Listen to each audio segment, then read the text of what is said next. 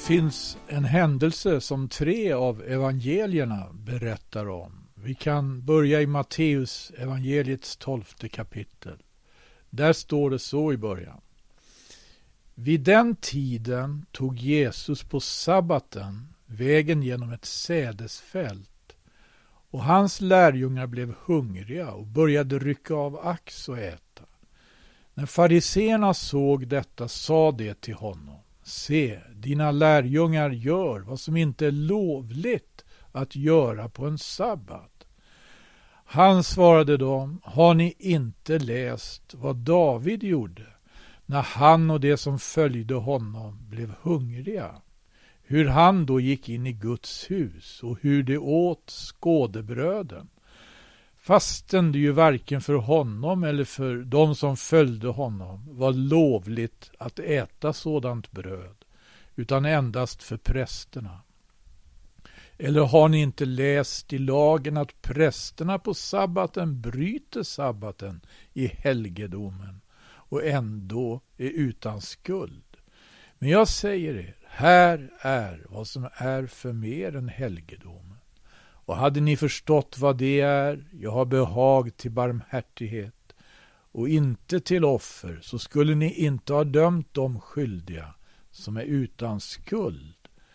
Människosonen är Herre över sabbaten. Även Markus och Lukas återger denna berättelse lite mer kortfattat. Matteus har den mest utförliga versionen där Jesus ger det mest utförliga svaret. Men det mynnar i alla tre evangelierna ut i deklarationen Människosonen är Herre över sabbaten. Men den händelse i, i Gamla testamentet som Jesus själv påminner om är onekligen värd att uppmärksamma. Jag tänkte titta på en annan sida av den händelsen. Jesus påminde om hur David och hans män gick in i helgedomen. För att, han gjorde det för att bemöta fariseerna. Fariseerna anmärkte inte på vad lärjungarna åt eller att de åt, utan de anmärkte på att lärjungarna bar något och alltså utförde ett arbete på sabbaten. På sabbaten ska man inte bära något. Det bar axeln. Jesus hade svarat, har ni inte läst vad David gjorde när han och de som följde honom blev hungriga? Hur han då gick in i Guds hus och hur de åt skådebröden fast det ju varken för honom eller för de som följde honom var lovligt att äta sådant bröd utan endast för prästerna. Det var inte lovligt. Men det gjorde det ändå. Det var det som fanns i helgedomen. Det kan vi läsa om i Andra Mosebok. Även Hebreerbrevets författare gör en framställning om detta. Helgedomen bestod av ett tabernakel på Davids tid. Templet hade ännu inte byggts. Det står i Hebreerbrevets nionde kapitel där det handlar om de båda förbunden att nu hade visserligen också det förra förbundet sina gudstjänststadgar och sin jordiska helgedom. I tabernaklet inrättades ett främre rum och där stod ljusstaken och bordet med skådebröden. Hebreerbrevets nionde kapitel, de två första verserna.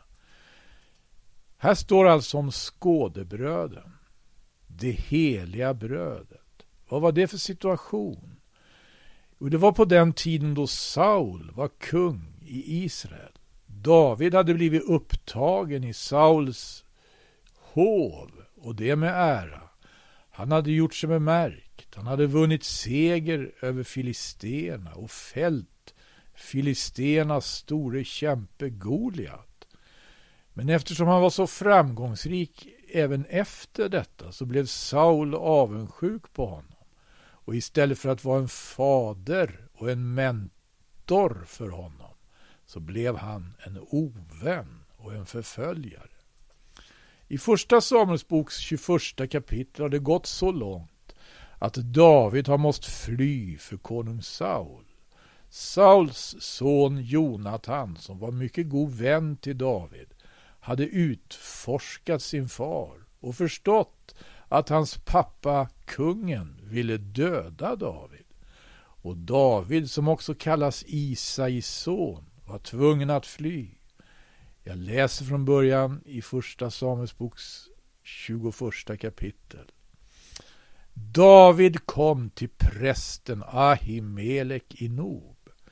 Men Ahimelek blev förskräckt när han fick se David och frågade honom varför kommer du ensam och har ingen med dig?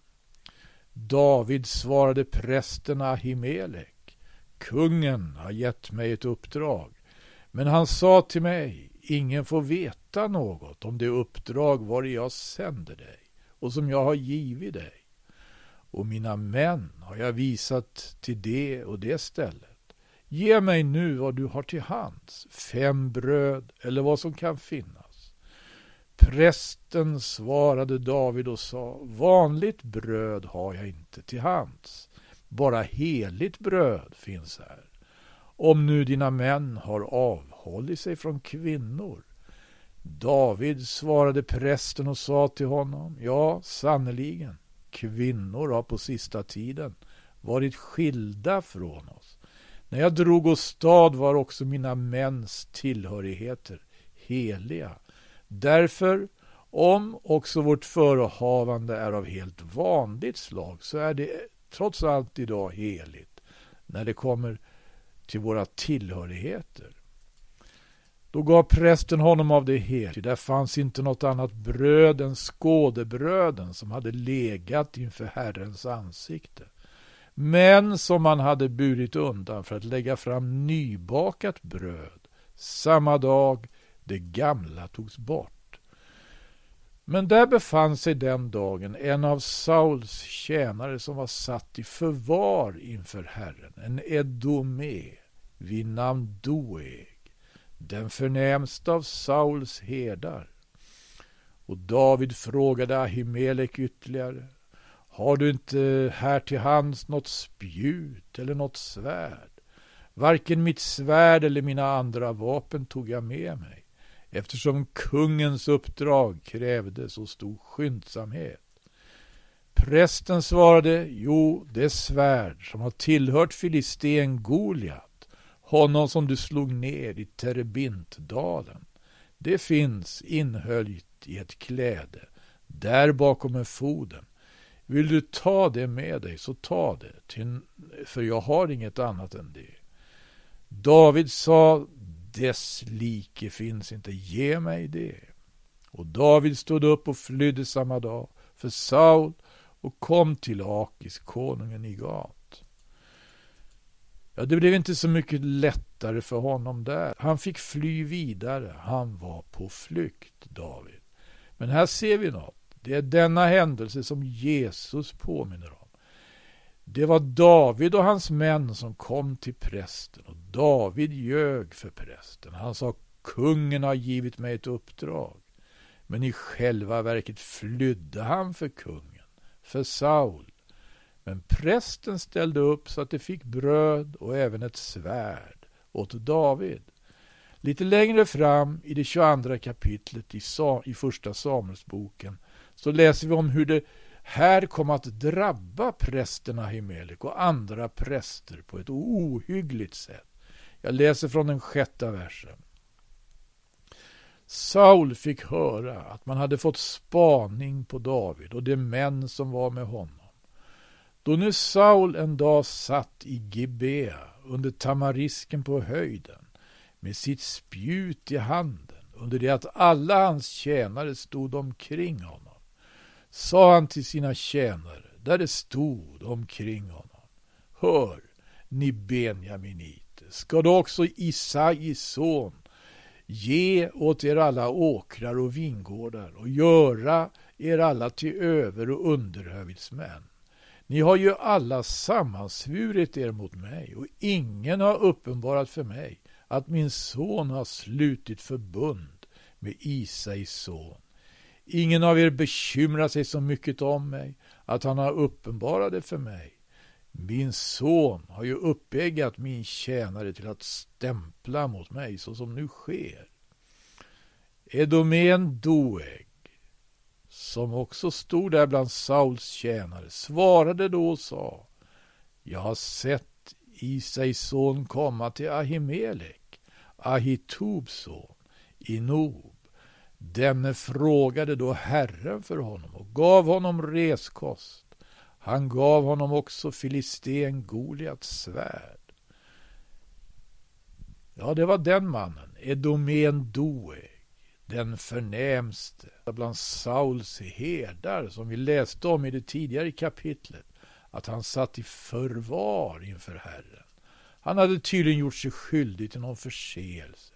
Han befann sig där när David och hans män kom. Han såg och hörde och för den skull kunde han komma med detta kortfattade men ödesdigra meddelande. Edomen Doeg, en sin tids twittrare. Ni vet att Twitter det är ett socialt media som ibland kallas för miniblogg. Man kan med högst 140 skrivtecken uttrycka sin mening. Det blir korta meddelanden liksom Edomen Doegs meddelande var. Det innehöll inte så många ord. Vad sa han? Jo, han sa, jag har sett Isais son komma till Ahimelek, Ahitobs son. Denne frågade då Herren för honom och gav honom reskost. Han gav honom också filisten Goliats svärd. Det var ett kort meddelande. Ett tweet Sociala medier har ju blivit en väldigt kontroversiell fråga stundtals. Det är så accepterat och så allmänt använt. Det används ju av olika grupper i samhället, i samhällena. Regeringar och parlament, politiska partier och religiösa grupper, forskare och kulturarbetare kan ha Twitterkonton och uttrycka sig genom dem. Men precis vem som helst som öppnar ett Twitterkonto kan också använda det och skicka ut kortfattade meddelanden. Twitter, det är ju bara ett av många olika sociala meddelanden. Vi läste om prästen Ahimelek Ahitubs son. Han var väl knappast den tidens youtubare. Ibland så diskuteras detta häftigt. Ibland har man en känsla av att sociala medier egentligen inte har blivit accepterade. Det är på något vis föraktat. Och man ser ner på användningen av sådant. Om något till exempel kommer fram som är störande på något vis för somliga med makt och inflytande, ja då är det förstås bara sociala medier, det där smutsiga byket som gemene man håller på med. Detta kan man ju fundera på. Sociala medier har onekligen sin skärm och jag vill inte underskatta det. Men vad kan egentligen sociala medier komma fram till? Om vi utifrån den här bibeltexten skulle belysa det så måste vi dock peka på missbruket. Ett kortfattat meddelande kan bli ödesdigert. David kom på grund av denna händelse med Edomen Doegs angiveri att dikta en psalm. Det är den 52 salmen i Salteren. Det finns en inledning till själva salmen där det står För sångmästaren, en sång av David. När Edomen Doeg kom och berättade för Saul och sa till honom David har gått in i Ahimeleks hus. Och på det så följer själva salmen där det heter Varför berömmer du dig av vad ont är, du våldsverkare. Guds nåd vara ju beständigt. Din tunga far efter fördärv. Den är lik en skarp, rak kniv, du arglistige. Du älskar ont mer än gott, lögn mer än att tala vad rätt är, Selah. Ja, du älskar allt fördärvligt tal, du falska tunga. Därför skall och Gud störta dig ned för alltid. Han ska gripa dig och rycka dig ut ur din hydda och utrota dig ur det levandes land. Här beskrivs alltså tungan på ett sätt som verkligen kan mäta sig med en annan kritiker av tungan en som vi finner i Nya Testamentet. Jag tror att ni vet vem jag tänker på. Men jag ska vänta lite med honom. Vi ska läsa till slut här i Första Samuelsbok. Det var ju ett helt, ö- det var helt ödesdigert detta kortfattade meddelande. Kan vi kalla det ett tweet? Edomen Doeg, sin tids twittrare. Men utan att förstå hur han borde använda detta medium, denna förlängning av tungan. Han sa, jag har sett Isais son komma till Ahimelek, Ahitubs son.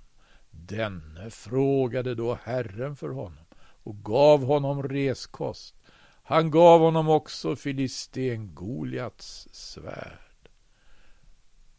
Och vilka följder fick detta? Jo, vi läser vidare i, i Första Samuelsboks 22 kapitel, från vers 11.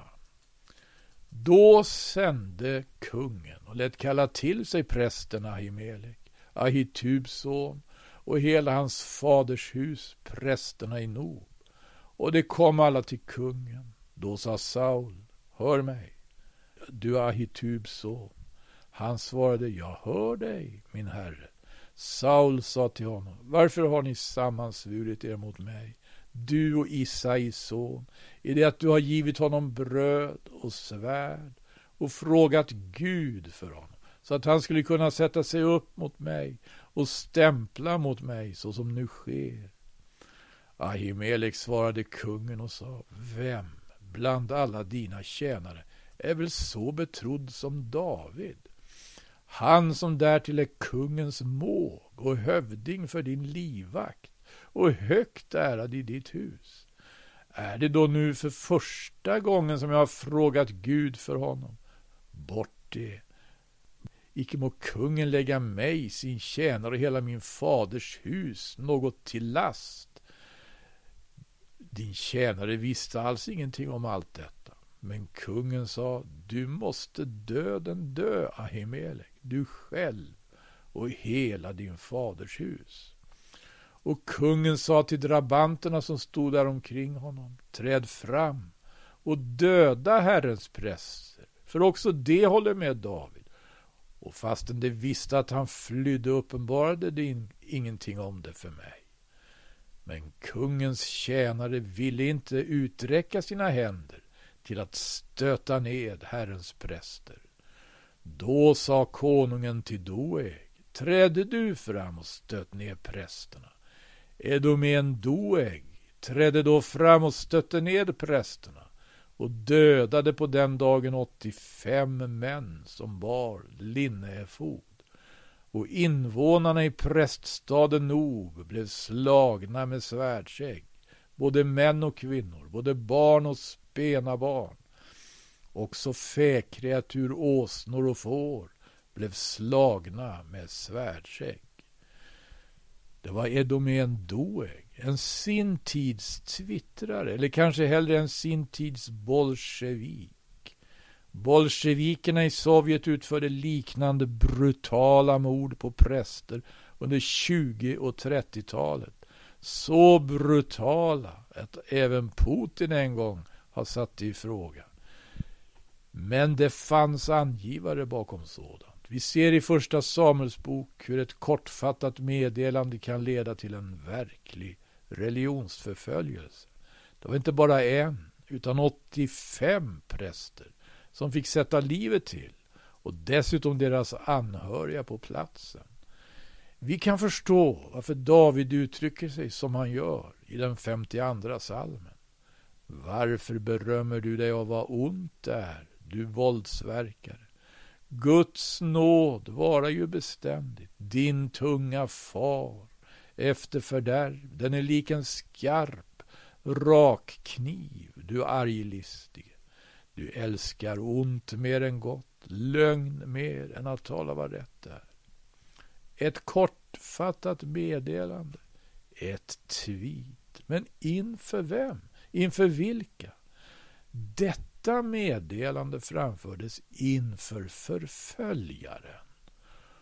Och det är det som gör hela skillnaden. När förföljaren i sin vred och i sitt raseri får ta del av sådana informationer så leder det obönhörligen till fördärv.